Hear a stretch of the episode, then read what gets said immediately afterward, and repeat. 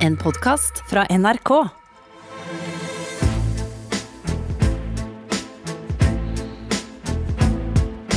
Trump mot verden med Gjermund Eriksen og Sean Henrik Matheson. I dag eh, starter vi med en klassiker. Ja, vi må høre om uh, Shithole Countries, uh, formidla av Stephen Colbert. Og så kommer vi til poenget. Fordi uh, vi vil starte i det litt lyse i dag. Why are we having all these people from whole countries come here? But the president didn't just complain, he offered an alternative. He thinks the United States should instead bring more people from countries like Norway. You know what I'm saying? Norwegian people. You catch my drift? People with blonde hair who need a lot of sunscreen.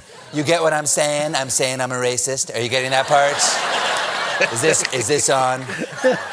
Norge er basically symbolet på hans rasisme. Ja, men ikke nå lenger! Og derfor må vi høre. Åh, ja, vi elsker! Dette Ja, vi har fått en, vi har fått en norskættet inn i Biden-regjeringen. Altså, det er Haaland-time. Ja, det er fader meg Haaland-time. Deb Haaland. Faren var norsk-amerikaner, major i marinen. Moren amerikansk urinnvåner blir altså innenriksminister. Sitter nå i Representantenes hus for New Mexico. Det er jo helt nydelig. Det er jo helt rått. Jeg syns det ble fremheva litt for mye at hun er urinnvårer og native american, og ikke at faren var uh, oh, faen, norsk-amerikaner. Jeg er så glad for at du sier det. Jeg har tenkt på akkurat det samme. Ja, men, det, men de får la det gå. Ja, det og det, er jo, det gir seg jo ikke der. Sånn, det Nei. har du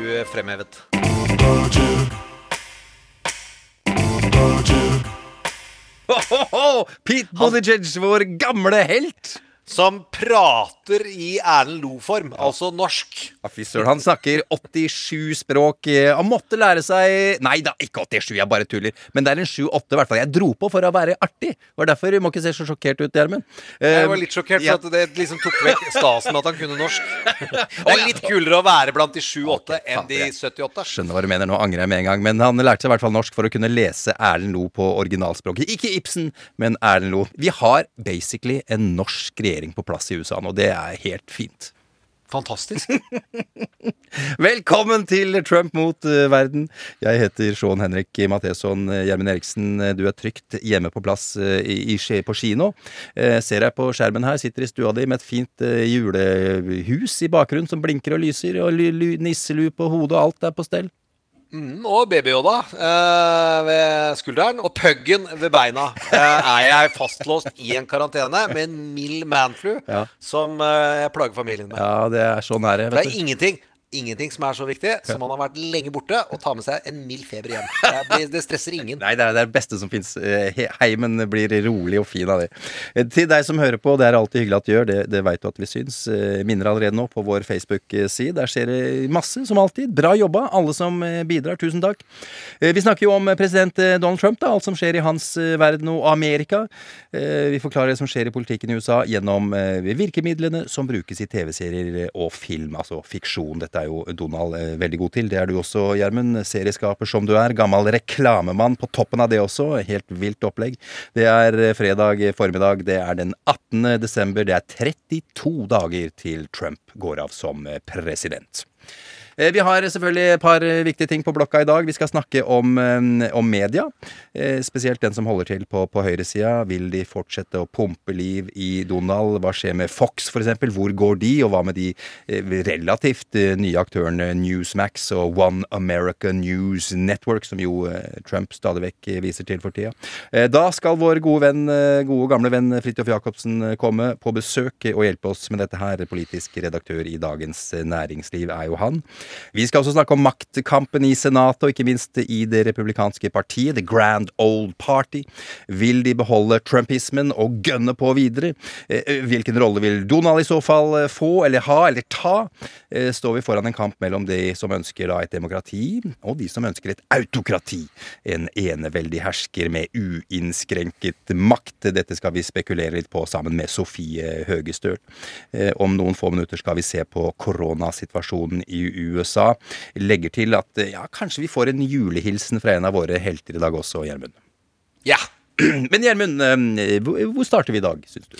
Jeg syns at denne uka må vi starte med at på mandag gikk en av de viktigste stemmene i det republikanske partiet før Donald Trump, Steve Schmidt, eh, sjefstrateg under McCain-kampanjen. Han som ble spilt Nå blir det litt name-dropping, men Woody Harrelson må vi alle klare å se for oss. Han som spilte i Cheers. Han spiller i Game Change, Steve Schmidt. Han gikk ut og sa at nå kan han ikke lenger være og kalle seg selv uavhengig. Han meldte seg inn i Det demokratiske partiet. Det er et stort og viktig valg. Det er ikke sikkert at han får med seg hele Det republikanske partiet, og det er vel det som er problemet hans. Og han får da et spørsmål uh, av David Pluff, som prøver å understreke alvoret. Bare hør her. 106 Republican House members and 17 Republican state attorneys general have signed on to a legal brief in support of a lawsuit brought by the Texas Attorney General. But the intent of this is to overturn the results of the 2020 election. David. It is an unbelievable moment and a fitting end to this rancid Trump presidency, but opens up and frames perfectly the battle we'll have for the next generation. And that battle, as difficult as it is for me to say it, is a battle between democracy and autocracy that will be playing out on American soil. It's just beyond my comprehension to say that again. A battle between democracy and autocracy not on a foreign land, but on American soil. Steve Schmidt og, og David Pluff der. eh, David Pluff er også en gammel eh, republikaner eh, og strateg osv., Gjermund. Ja, og der står kampen mellom autocracy og democracy. Og autokrati, det er enevelde. Altså at det bestemmes av en ledende mann på toppen. Og at eh, den mannen skal enten lede et valg hvor han har fått flertall, eller så skal han beholde makten. Ja. Der er vi nå. Ja, ja. Og forrige uke så snakket vi om at nå er vi ett valg unna til enhver tid hvor autokratiske krefter kan bli ledende i USA. Og det er i den kampen Steve Schmidt sa at han kunne ikke kalle seg selv uavhengig. I spørsmålet autokrati eller demokrati, så ville han være på demokratipartiet. Det høres selvfølgelig ut, Ja. men det er mange som ikke har gått ned den veien ennå. Nei, nei. Eh, og vi trenger at de gode kreftene samler seg og blir med ned den veien. For, for der det republikanske partiet har hatt lokosfolk, enkeltmennesker i Representantenes hus og i delstater som har stått for helt ufyselige ting. Det har for så vidt noen i Det demokratiske, partiet gjort også. Det har ikke vært en dominant kraft som bruker demokratiet som huggestabbe. Altså, det er imot et valg der flertallet vant. Og der Jeg skal lese ferdig en bok i jula, nemlig av Anne Applebaum, som skriver mye om hvordan autokratier oppstår. Eh, og hun har mye bakgrunn fra Polen, og sammenligner Polen, Ungarn og de trekkene vi nå ser i USA.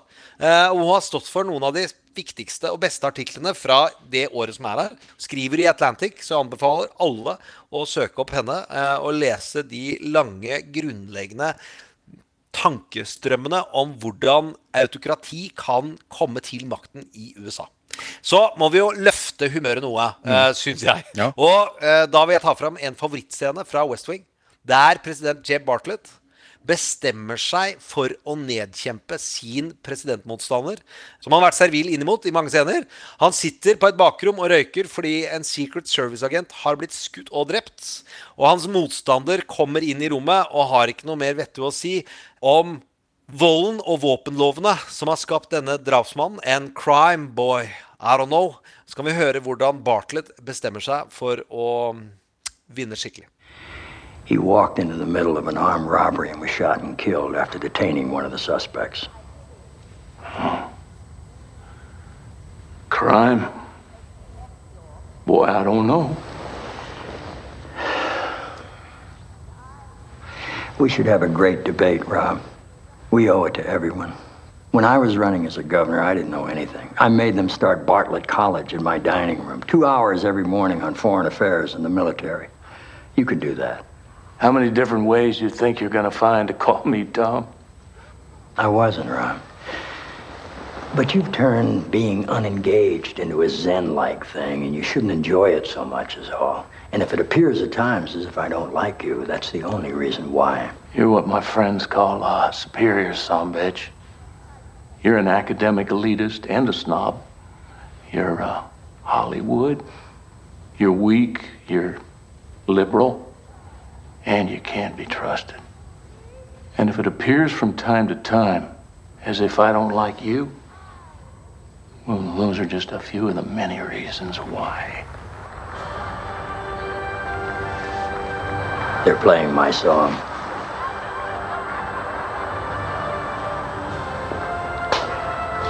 In the future, if you're wondering, crime, boy, I don't know, is when I decided to kick your ass. Det var ganske deilig. Kick your ass. Det er det man trenger. De autokrate kreftene må nedkjempes. Der sier Schmidt at han er en single issue voter.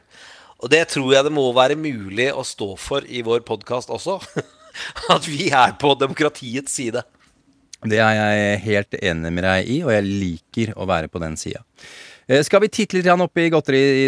Oh, wow! Jøss! Yes. Ja, men det ligger jo tre nøtter her i dag, Gjermund! Fabelaktig. Jeg vil være ugla. Askepott! Askepott! Tre nøtter. Til hvem da? Jo, ok, la oss titte. The Lincoln Project har strukket ut en hånd til Alexandria Ocasio-Cortez. AOC er jo denne unge kvinnen som sitter i Representantens hus for eh, staten New York, en av de mer progressive i Det demokratiske partiet. Rett etter valget så gikk hun kraftig ut mot eh, The Lincoln Project i en ekstremt sinna tirade på Twitter. Så beskyldte hun The Lincoln Project for nærmest å være uærlige, og at de, de 60, 67 millioner dollarene de hadde skaffet til veie under valgkampen, mer eller mindre var stjålet fra organisasjoner, andre organisasjoner som vil kunne gjøre, gjøre en bedre jobb for å skaffe Biden flere stemmer fra republikanerne. Steve Schmidt igjen, altså, en av grunnleggerne her, har da strukket ut en hånd til AOC. Han har skrevet en lang, eh, nesten ikke en tirade, men veldig mange Twitter-meldinger, han også. Kan ta en av dem her. Uh, I would like to officially reach out to AOC on behalf of the Project Lincoln in defense of democracy. We disagree on many issues, and that is okay in our view. By the way, we don't look down on waitresses, we admire them. We are all the types of guys who always tip 50% or more. Det er jo eh, litt sånn artig, der, for hun har jo vært uh, servitør i mange år. Livnært seg på det, og, og mener at uh, hun ikke fortjener noe pe Sikkert har fått litt pes for at hun har vært det, da igjen. Ja, og det er jo hyggelig gjort av Steve Schmidt. Uh, den lille greia med serv servitøren Veit jeg ikke helt om var verdens mest elegante Nei, det var dårlig stil, egentlig. Litt sånn der Jeg ja. er ikke sikker, altså. Fordi det er noe med stolthet rundt servitører i USA. og det sier mye om deg om du tipser ordentlig, for de har jo verdens dårligste lønn. Lang historiekort. Vi bør ikke ta og si så mye mer enn at her ser vi at Lincoln Project prøver å samle alle som er imot GOP, og være spydspissen. Kan det, kan det komme noe ut av dette? her? Vil, hva, hva, hva AOC, de, hva, hvordan reagerer hun? Hun har, eh, så vidt jeg vet, så har hun ikke tatt kontakt ennå. Men det de i hvert fall får synliggjort, er at de jobber også for progressive krefter. Hvis det er noen som tar kontakt med dem og sier vi trenger litt hjelp i den kampanjen her, Mm. vi skaffer deg litt penger, så er det guns for hire. Og det er gode guns, for å si det sånn. Good, nice guns.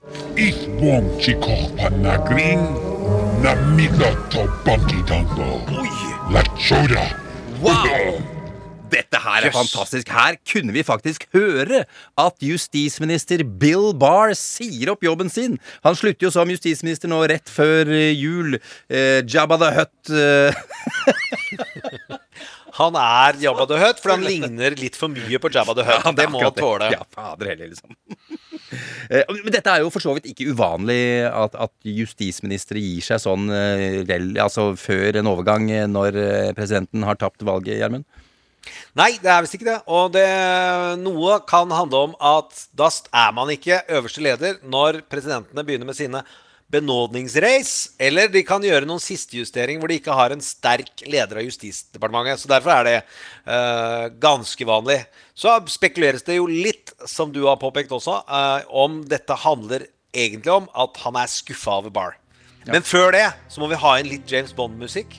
Fordi det du, som kan være det tydeligste tegnet på at folk er lei bar, det er at en av Donald Trumps soldater som blir sendt ut for å snakke på Fox News, han har kommet til en dom over justisminister Barr, hvor han er så nærme en Bond-skurk som det går an.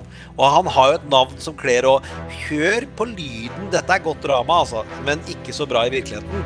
Sebastian Gorka. Han er fra Ungarn og har vært rådgiver i Det hvite hus. But not one person has gone to jail. Not one person out of the key actors was charged with a felony. And that is why you have proven yourself to be one thing. Not just a failure as Attorney General Bill Barr, but as a coward at a time when we need courageous men more than ever. You were a coward. So goodbye and good riddance. Han må jo bare castes i alle mulige filmer og serier nå.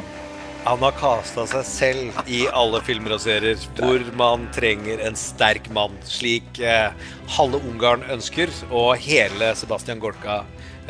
Fantastisk. Tenk at han drar på sånn. Jeg elsker det når folk gjør det der.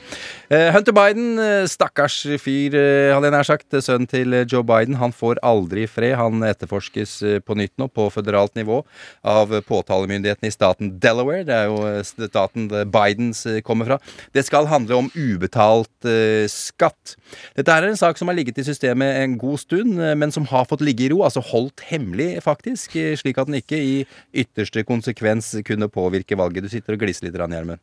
Ja, det er fordi at dette er bra gjort av Barr. Ja, han har visst om det, men ikke fortalt det til Donald Trump, som dør etter, og det har vi sikre kilder på, at han har skriket og kjefta eh, maksimalt for at han ikke fikk denne nuggeten å bruke mot Hunter Biden. For han fant jo på alle disse tingene om barisma og Ukraina. Hvor det er en skandale at han får da 50 000 dollar i måneden eller året Ja, måneden, for å være sitte i styret. I Ja, ja. ja. Ja. Nå viser det seg at han ikke har skatta så veldig mye av det. Og det er ekte kriminalitet. Det er veldig morsomt.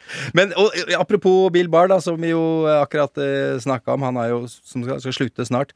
Og Donald, som du sier, ble altså så rasende på Barr eh, og Justisdepartementet for at denne saken ikke ble kjent. Og eh, kan det være derfor han slutter? Har jo noen lurer litt på det.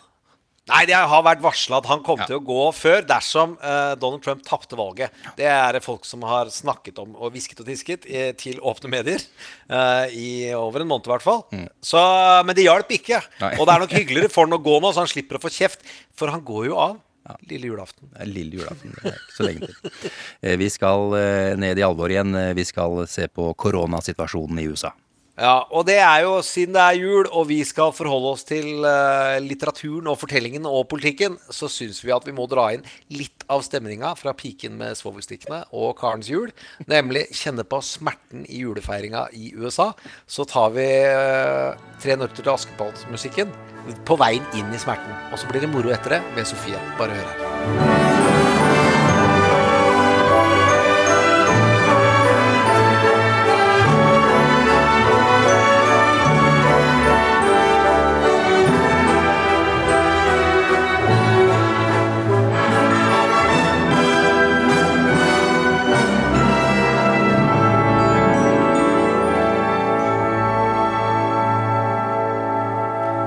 Nå er det alvor. Eh, Koronapandemien herjer i USA fortsatt, og dessverre pilene peker i helt feil retning, oppover og ganske bratt. Eh, Vi skal forsøke å sette dette i, i hvert fall i litt perspektiv. Gjennom historien så har USA blitt rammet av eh, opptil flere katastrofer, enten på hjemmebane eller ute i, verden. Under borgerkrigen på 1800-tallet så døde ca. 620 000 amerikanere.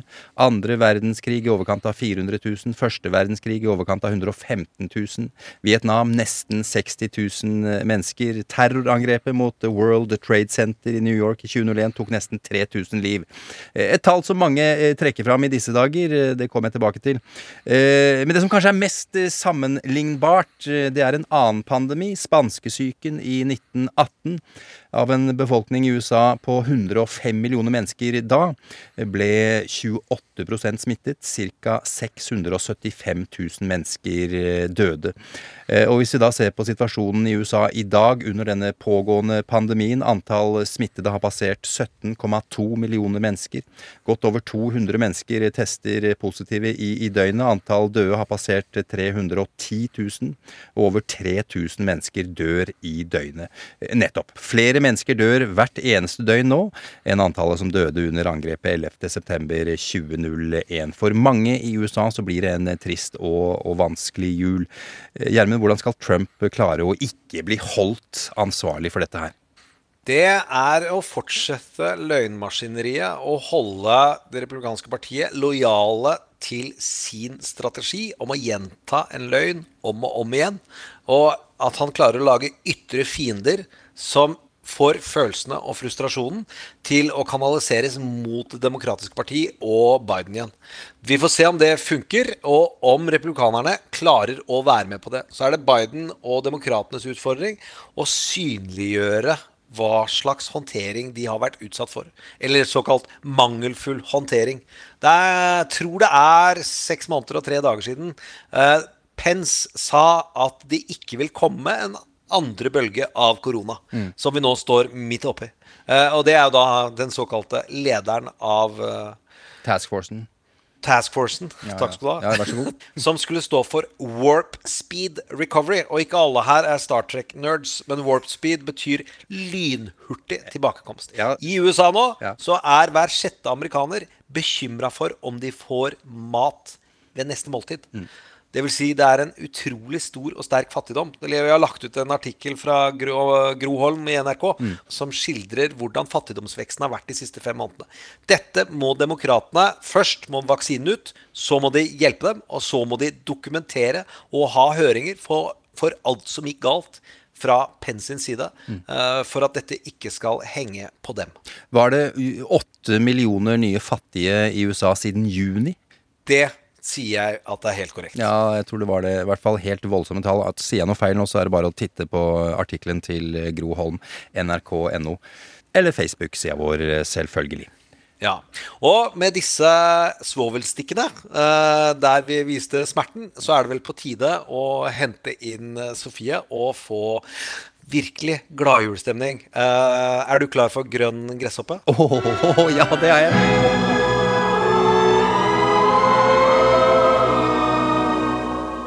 When you wish upon a star, makes no difference who you are. Anything your heart desires will come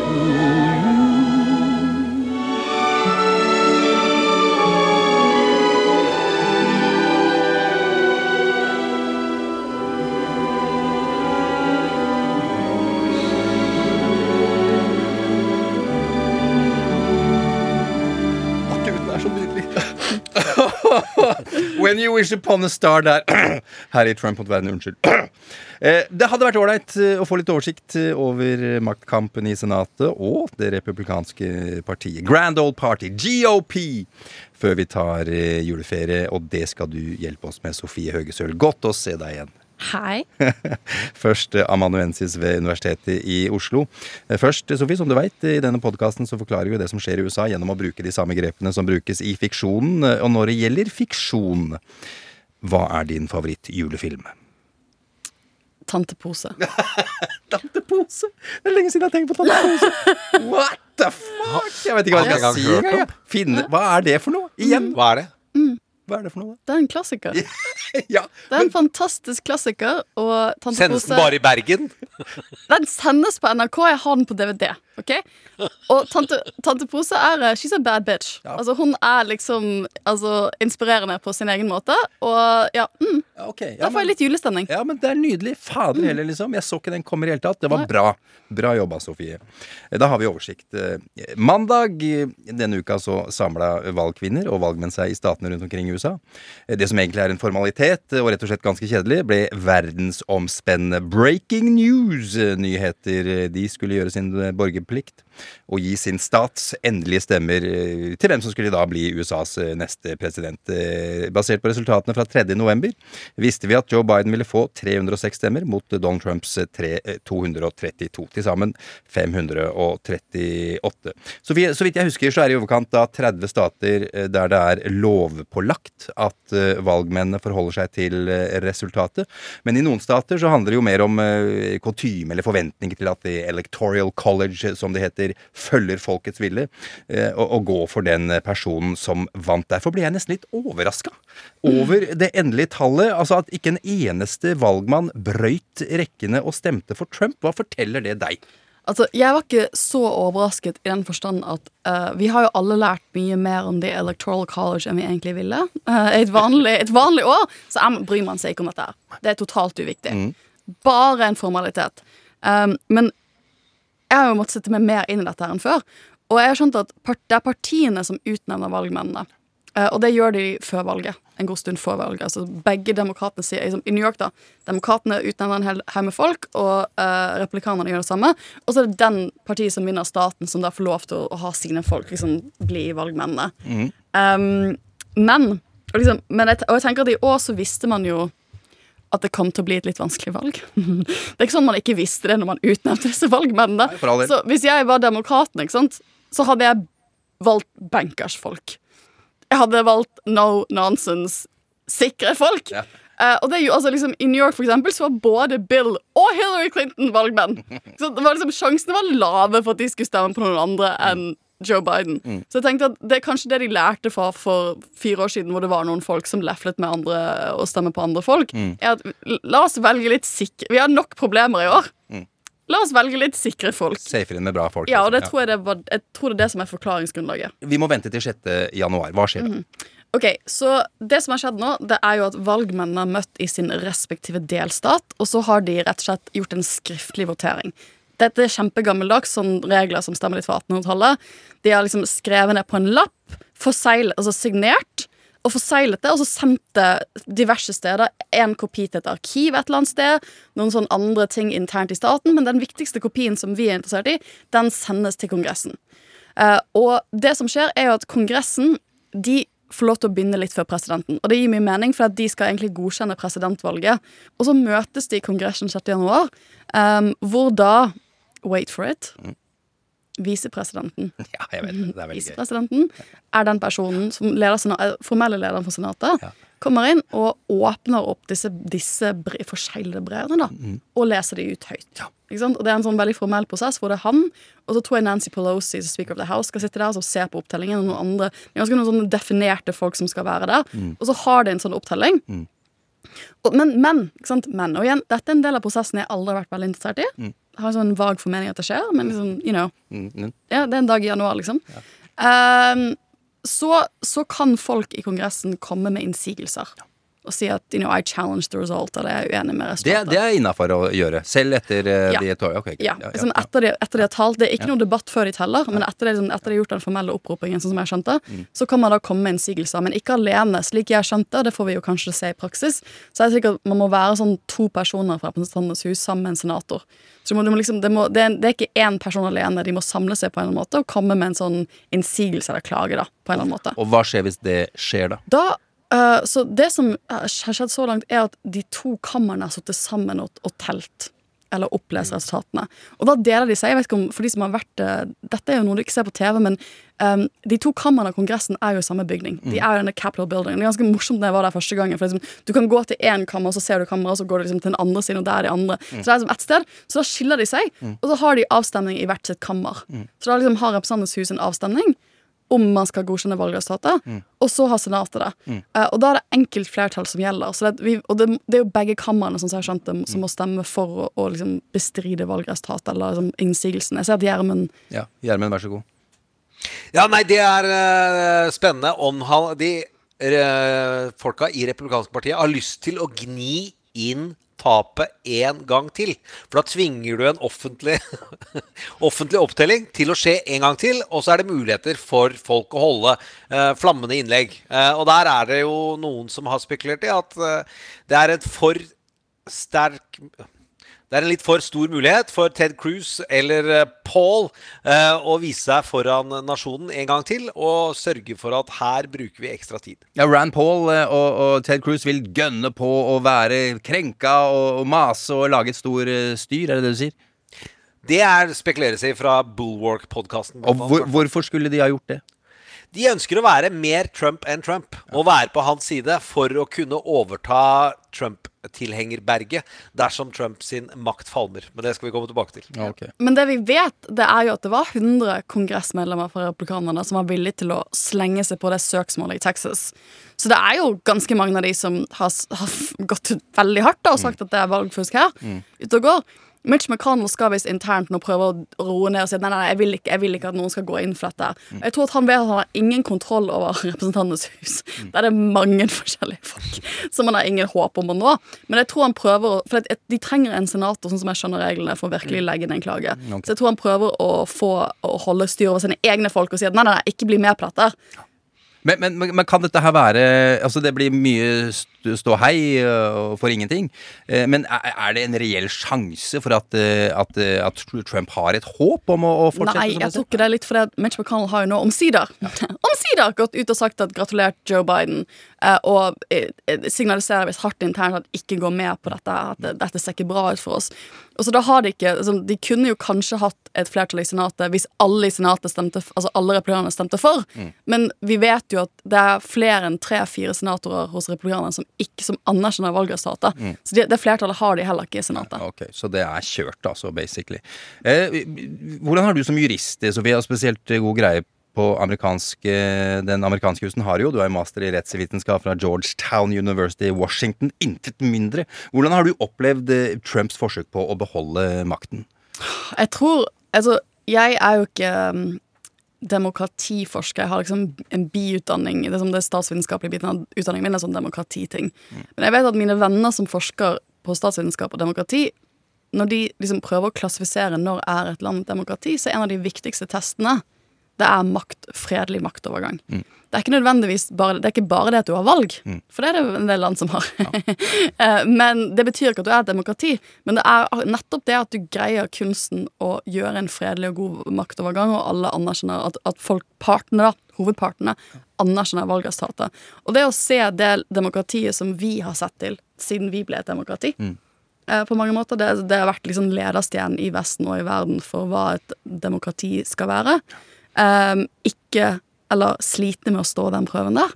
Det har vært eh, det, det er virkelig det, det er mye rart som jeg har sett de siste fire årene. Men hadde du sagt til meg for fire år siden at det skulle bli Altså bare det skulle skje, så hadde jeg aldri trodd det. For én ting er jo eh, Donald Trump, selvfølgelig. En annen ting er jo at store deler av det republikanske partiet eh, følger på, ikke sant? Ja, og, og jeg tenker sånn, det er én ting. Men en annen ting er at um, Er at man har jo gjort en del undersøkelser. Vi, vi må jo se hvordan de tallene er i januar, februar, mars. Men Fox News hadde en undersøkelse for en uke siden hvor de spurte folk eh, tror, altså, tror dere at eh, valget har blitt stjålet fra Trump. Ja eller nei? 36% av alle velgere som de spurte, da, svarte ja. Mm. Mm. Det er en tredjedel av befolkningen. Hvis de tallene skulle stemme, Ja, ja, ja. så er det en tredjedel av befolkningen som tror at det valget har blitt stjålet fra Trump. Mm. Interessant så inkluderte det tallet 10% av demokratene som ble spurt. Det, bare, altså det var sånn nesten 70 av republikanerne og 10 av demokratene. Og liksom no, altså nest, altså noen og tyve av de som er, klassifiserer seg som uavhengige. Og hvordan, eh, det, det, er, det er den langvarige skaden. Hva skjer, hvordan, skal du, hvordan skal du forsone et demokrati når kanskje opp mot en tredjedel av altså innbyggerne, det er 100 millioner mennesker i USA, Mm. ikke tror at du er den rettmessige presidenten? Ja, Det er dypt alvorlig. Hva kan konsekvensen av det bli fremover i 2021 og, og videre utover? Jeg tenker at Det mest interessante konsekvensen jeg har sett så langt, det var noen av lederne hos GOP som bor, som jeg føler bor nå i Georgia, i håp om liksom, å vinne senatet, de begge senatsetene, så har de bare flyttet inn der. Eh, og jeg så et velgermøte med noen av de. Og da liksom var en av lederne i um, republikanske partiet i partiorganisasjonen, da, som skal liksom prøve å nå velgere, og så er det en fyr som spør ja, men hvorfor gjør dere ikke mer av dette valgfuskgreiene. Har dere sjekket disse valgmaskinene? Liksom? Og hun bare sånn Nei, vi tror ikke det. Liksom, mm. Og så sier han sånn ja, men, og så, så er oppfølgingsspørsmålet sånn, sånn det, liksom, hvorfor, Hva er poenget med å del, stemme hvis dette er rigged? Just rigged. Og hun bare sånn Hæ, men det er ikke det! Er ikke det. Ha, ha, ha. Du må stemme! Du må, du må stemme. Det er bare, Vi taper bare hvis du ikke stemmer. Og da tenker jeg at det er jo deres problem. Sant? Hvis folk da ikke Hvis folk tenker at ja, det er ikke noe poeng, ikke sant? it's rigged, det er jo deres egne velgere også som ikke kommer til å stille opp og stemme, og det trenger de. Pussig logikk der. Pussig logikk. Og det er litt Det er klart et demokrati er bygd på at folk deltar. Det gjorde jo folk etter presidentvalget. Det var rekordhøy mange eh, amerikanere som stilte opp og stemte. stemte. Og det er veldig skadelig hvis folk Hvis det blir sittende i alle fall med en del velgere. Nei, det er ikke noe vits, for liksom it's all rigged. Men uh, uh, helt mot tampen her, uh, vi har jo snakka om Steve Schmidt eh, i dag, eh, en av grunnleggerne av The Lincoln eh, Project. Han har sagt at nå er kampen i USA Det står mellom autokratiet eh, og demokratiet. Hva eh, tenker du om det? Jeg tenker at det er vanskelig å stikke under en stol at du har et topartisystem, hvorav ett av partiene har eh, til forskjellige grader da, internt i partiet omfavnet konspirasjonsteorier om valgfusk og aktivt jobbet for å undergrave et demokratisk valgresultat. Eh, Kan vi være så snill å, å, å slutte på en litt sånn uh, lettere humør, uh, hvis det hadde vært uh, mulig? Eh, Cheerio, Miss Sophie! Hvis du måtte høre én julelåt hver eneste dag resten av livet ditt, hvilken låt ville det bli? Ok, Dette røper alder, for så vidt, men også at jeg er litt cheesy.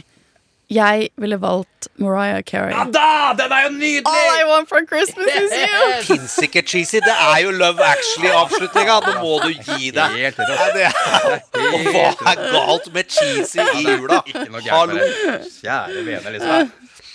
Group hug herfra.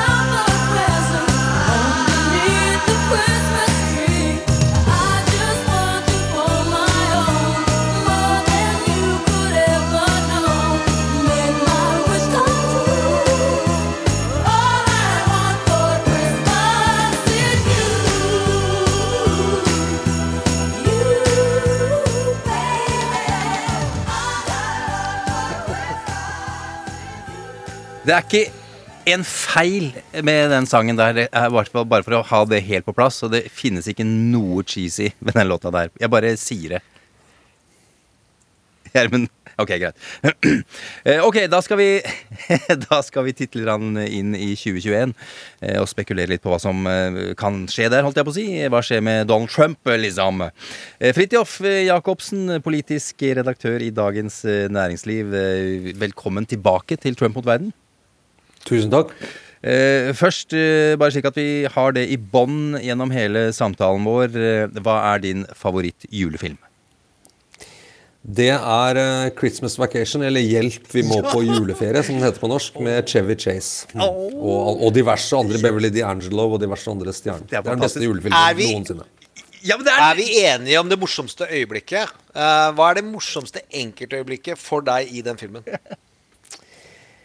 Nei, Det er jo som å velge mellom sine egne barn. Men jeg liker jo når de synger den 'Deck the Halls' i bilen. All, sånn synging i bil, det er jo på en måte den seriens favoritt. Det liker jeg veldig godt. Han har et syngefjes som er helt fantastisk.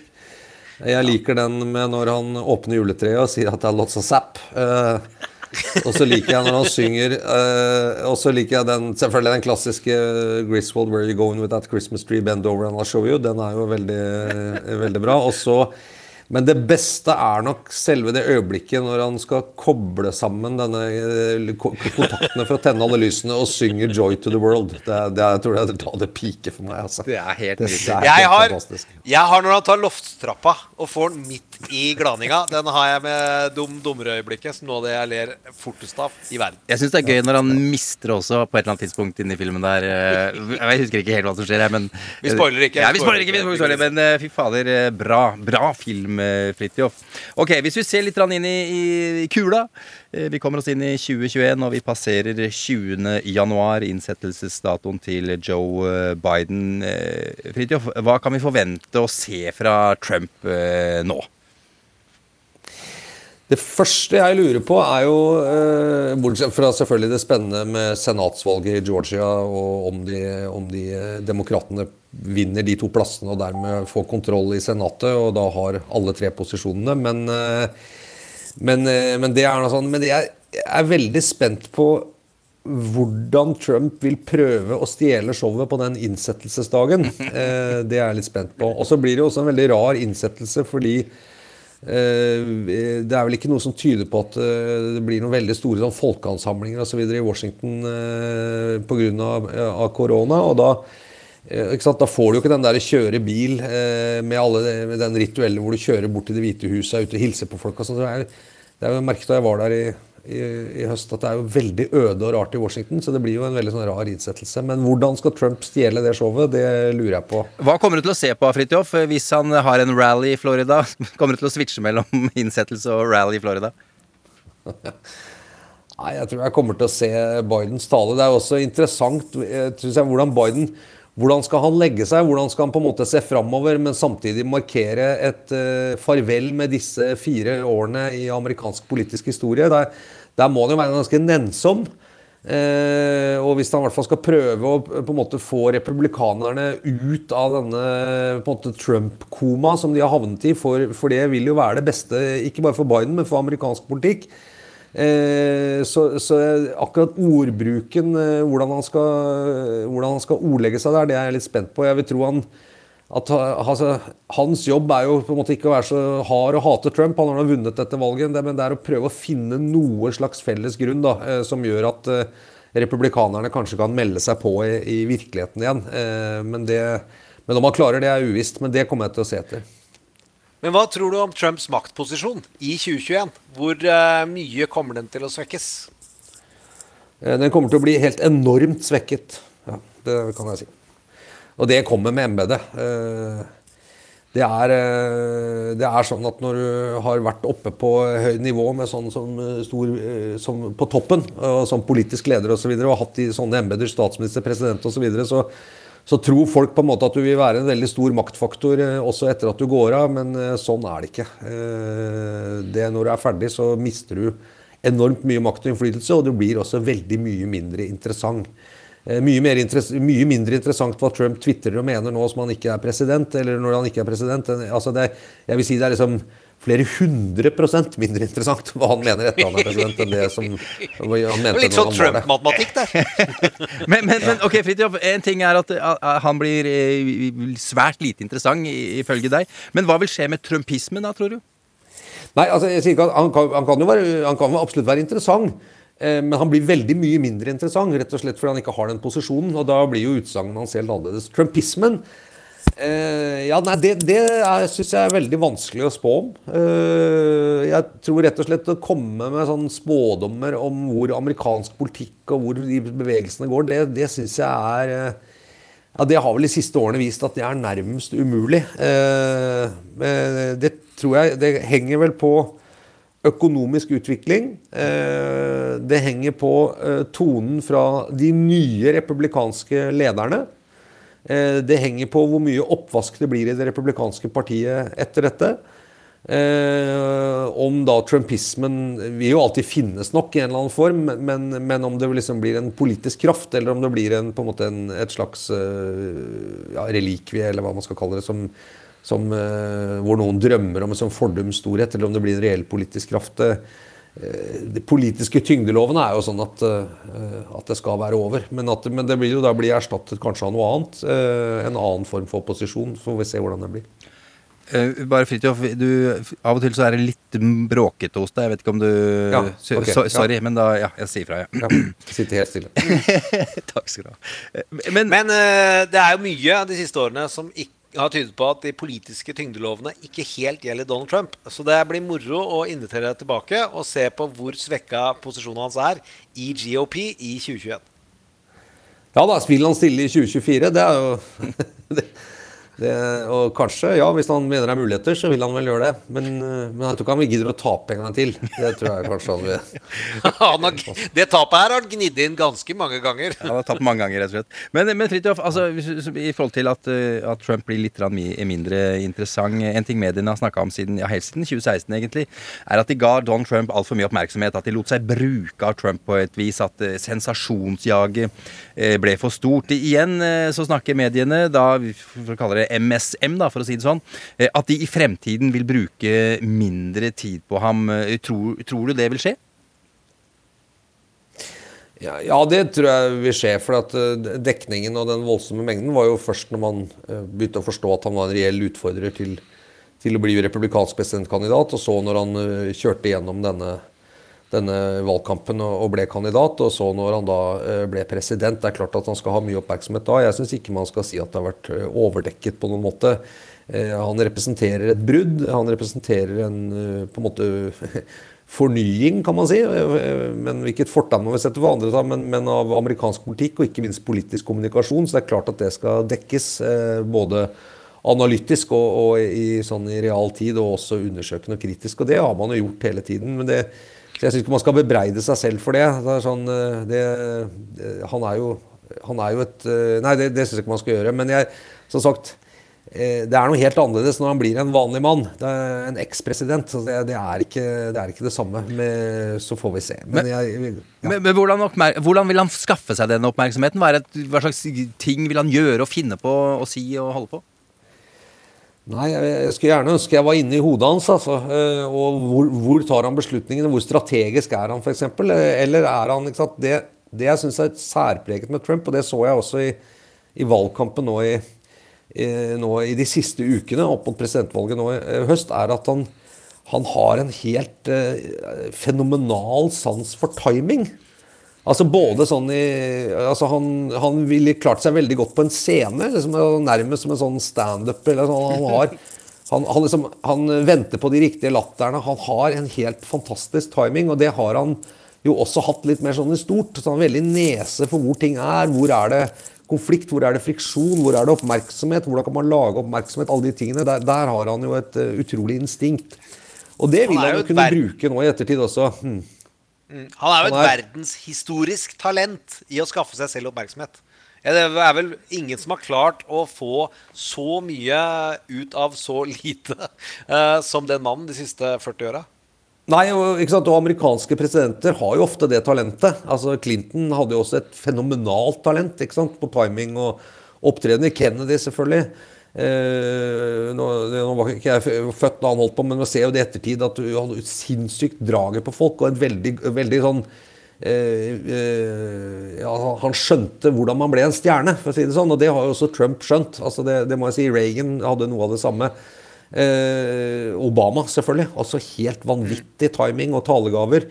Eh, Trump har også det, men på en helt annen måte. Så, så det er jo ikke, ikke så nytt at amerikanske presidenter har en spektakulær offentlig personlighet, men det er bare at eh, den er jo også Den er jo mye mer bøllete da, den har hatt enn de andre. Og den, den vil jo overleve. Men se på Obama, da, som jo var eh, ikke sant? Han holdt jo pusten hver gang han snakket, og det var jo fantastisk å høre på. Han utrolige talegaver. Men hvor interessant har Obama vært liksom, etter at han gikk av for fire år siden?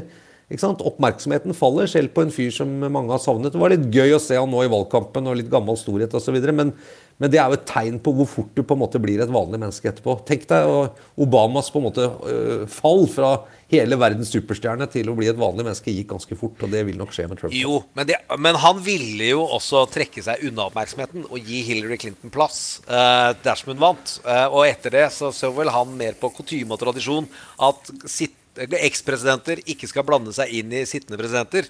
Selv om han heiv det over båten i siste valgkamp, heldigvis. Ble du litt lei deg nå, Gjermund? Eller var det vondt å høre Nei, nei, nei.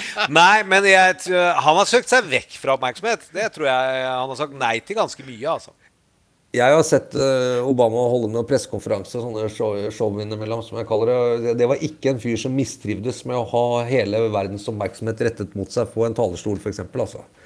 Eh, Han elska hvert sekund. eh, Og, han, eh, og hele den iscenesettelsen og de der Og han med han Jim Sosa, ikke sant. Alle de fete bildene og de der videoene med han og Biden som går med solbriller nedover den der The Colonnade ned mot West Wing. Og, altså han fyren der, han var jo en superstjerne, ikke sant? Og, og talene på, på White House Correspondent Dinner osv. Så, videre. Så at han elska å være midtpunkt og elska å være morsom. Han var også veldig god på jokes ikke sant? og hadde god timing og sånn. Eh, Jeg, jeg tror ikke han, altså Hadde han kunnet få mer, så hadde han uh, fått mer. Men no, noen jeg snakket med noen som hadde sett ham på en sånn foredragsrunde nå, da, da, da sa de han var veldig sånn slapp og uinspirert, faktisk. Men, uh, men det er kanskje fordi at uh, det blir liksom at du har vært liksom eh, Ja, du har spilt på Wembley, og så plutselig så skal du spille på, på Musikkflekken i Bærum. Det blir kanskje ikke det samme. Hvis vi titter tilbake på 2020, hva vil du si er det mørkeste minnet ditt eh, derfra når det gjelder eh, amerikansk politikk? Du syns det var friskt? Ja, jeg Det var vanskelig å plukke gjennom. Nei, men jeg må, jeg må si at eh, jeg, jeg, eh, jeg syns at eh, den, den valgnatten ble litt sånn antiklimaks fordi, den, fordi det tok så lang tid å, å liksom få de reelle tallene en avgjørelse. Det, det tror jeg var veldig dumt i det hele tatt, altså for alt. Men jeg må si at når, man, når det demret for meg at Trump altså, og hans folk da også på en måte gikk til krig mot selve valgresultatet, og også på en måte skulle rive ned det, og at, eh, at det liksom bare eksploderte i de mest eh, sånn utstuderte løgner og, og sånn, da, da syns jeg det var ganske mørkt. Og jeg synes det var veldig mørkt at det, at det ikke ble tatt et oppgjør med det av alle de folkevalgte republikanerne som, som skylder dette demokratiet og denne valgordningen alt de har fått her i livet. ikke sant? Og de feite jobbene de har, og, og, de, og de store posisjonene de har, at de på en måte bare stiller seg over folkets vilje på den måten der, det må, det må, det må ha vært et eh, totalt bunnpunkt i amerikansk demokrati. altså. Helt siden liksom leflingen med fascismen eller McCarthy eller de tingene der. så så da, det må jeg si at det, det, syns jeg egentlig ikke var noe gøy. Det syns jeg var veldig mørkt og, og trist at USA er kommet dit at de på en måte ikke engang tror på demokrati lenger. Men jeg, jeg diskuterte med noen og som sa at altså, det totalitære og autoritære og lengselen etter det har nok alltid ligget mye tynnere under i USA enn enn det har i Europa, som gjennom veldig mange hundre år da, har har liksom eh, gjennom leilendingshistorie alt dette her har liksom tatt et oppgjør med eliter og det autoritære gjennom mange år. og, og sånn, så, så vi har nok, der er nok rett og slett Europa litt mer solid, selv om vårt demokrati også kan være veldig sånn knirkete og rart innimellom. Så tror jeg vi har det Jeg tror det er det som opprører oss litt. altså hvis du ser sånn, tenker hvordan Norge fighta for å få den grunnloven og sin uavhengighet og, og utvide stemmerett og alle de tingene som er, vi kan være veldig stolte av, så, så ser liksom en amerikansk politikersjikt som, som ikke respekterer et valg, og som prøver å, å, å jukse og underminere på det. det. Nei, det var mørkt. Det må jeg si. Kan vi, skal vi løfte humøret litt grann, eh, og, og høre litt julemusikk? eh, Og, og derfor, Fridtjof, hva er din favoritt-julelåt? Den beste juleplaten moderne, det er jo Nick Lowe's uh, Quality, Quality Street. Den er, jo, den er jo helt fantastisk. En ganske ny juleplate for de som ikke har hørt den. Men den, den jeg kjenner får liksom julemusikken ordentlig inn på denne Christmas, det er han Tony Bennett, som sikkert heter Antonio Benedettini eller noe sånt. Han er en eh, skikkelig New York-røver som sammen med The Count Basie Orchestra har liksom destillert det derre klassiske amerikanske storband-julekjøret. Det er rått, altså. Og det jeg, låta jeg har valgt, er den eh, Silver Bells. Det er bare å kose seg. Tusen takk, Fridtjof. God jul! God jul! God jul. Silver bells, silver bells. It's Christmas time in the city. Ring a ring, hear them ring.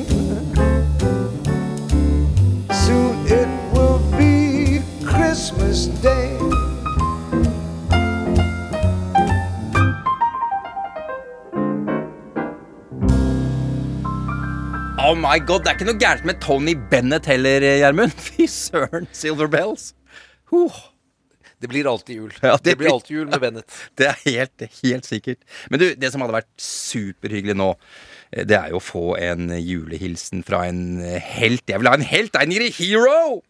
Det skal vi få til. Men aller først, eh, vi har tenkt oss å lage en sånn best of eh, Ikke best of, det er å legge lista veldig høyt.